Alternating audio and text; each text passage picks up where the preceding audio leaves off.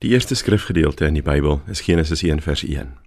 Dit lei: In die begin het God die hemel en die aarde geskep. Die aarde was heeltemal onbewoonbaar. Dit was donker op die diep waters, maar die gees van God het oor die waters gesweef. En toe het God gesê: "Laat daar lig wees."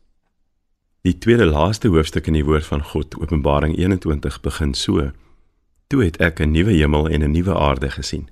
Die eerste hemel en die eerste aarde het verdwyn en die see het nie meer bestaan nie. En ek het die heilige stad, die nuwe Jerusalem, van God af uit die hemel uit sien afkom. Die stad was gereed soos 'n bruid wat vir haar man versier is. So begin en eindig die storie wat God oor die mens geskryf het. Hoe hy gekies het om dit te begin en hoe hy kies om dit te eindig. Hy het 'n hemel en 'n aarde geskep uit niks. En dan aan die einde van ons tyd hier op aarde, dan vergaan daar die hemel en aarde en ook die see En dan gee die Here 'n nuwe hemel en aarde en 'n nuwe stad. En hoe dit nou in die vlees of in die gees gaan manifesteer, dit kan ons nou maar net raai as ons die visie van Johannes in Openbaring lees. Maar een ding is verseker, die storie het 'n begin en hy het 'n einde. En enige so 'n storie het 'n klimaks.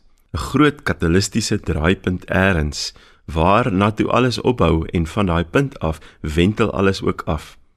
En dit was die dood van Jesus Christus en sy opstanding uit die dood uit. Wat ons nou net gevier het 'n week terug met Paasfees.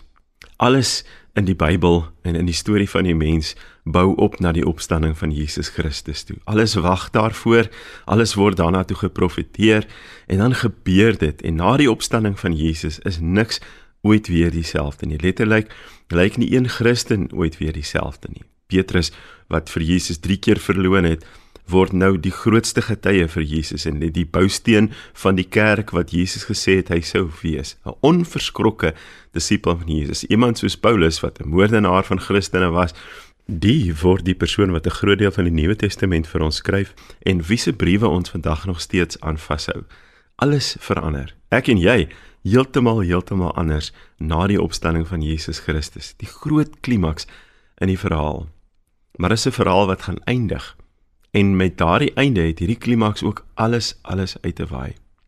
En dis my grootste hoop vir myself en vir jou, vir elke mede-Christen daar buite, dat wanneer ons kom aan die einde van hierdie verhaal, dat die opstanding van Jesus Christus uit die dood vir ons so kon impakteer dat die Here vir ons sê mooi so goeie en getroue dienskneg mag dit wees hoe ons is en hoe ons God aantref aan die einde van die storie van die mens